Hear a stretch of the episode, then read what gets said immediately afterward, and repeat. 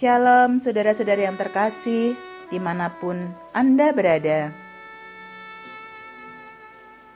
Gembala menyapa kembali hadir dengan firman Tuhan yang diambilkan dari kitab 1 Petrus 1 ayat 3 sampai 9. Judul renungan kali ini adalah Bersukacitalah kendati dalam ujian iman.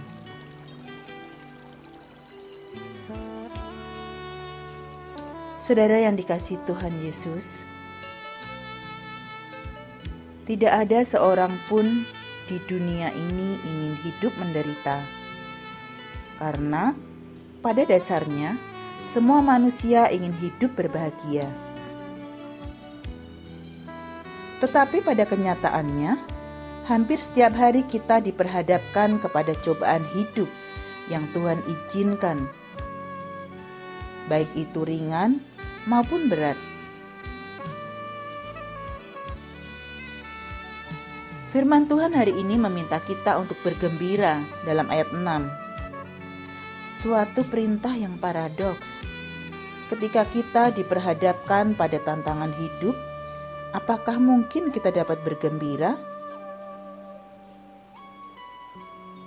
Pasti ada maksud Tuhan ketika kita diizinkan menghadapi berbagai cobaan, baik pribadi, dalam keluarga, pekerjaan, kehidupan bergereja, maupun bermasyarakat.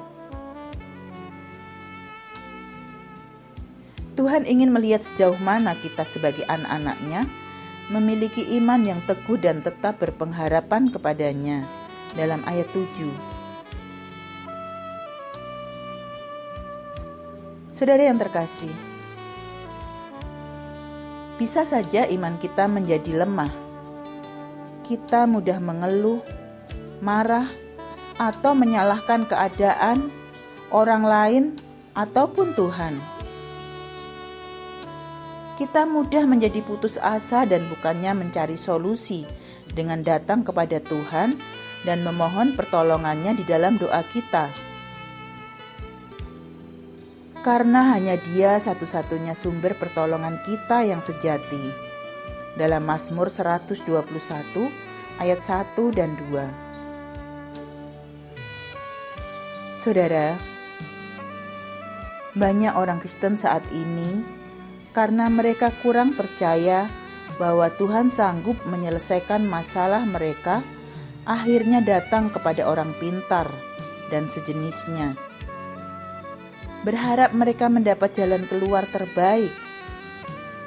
Malah sebaliknya, mereka mendapat masalah baru.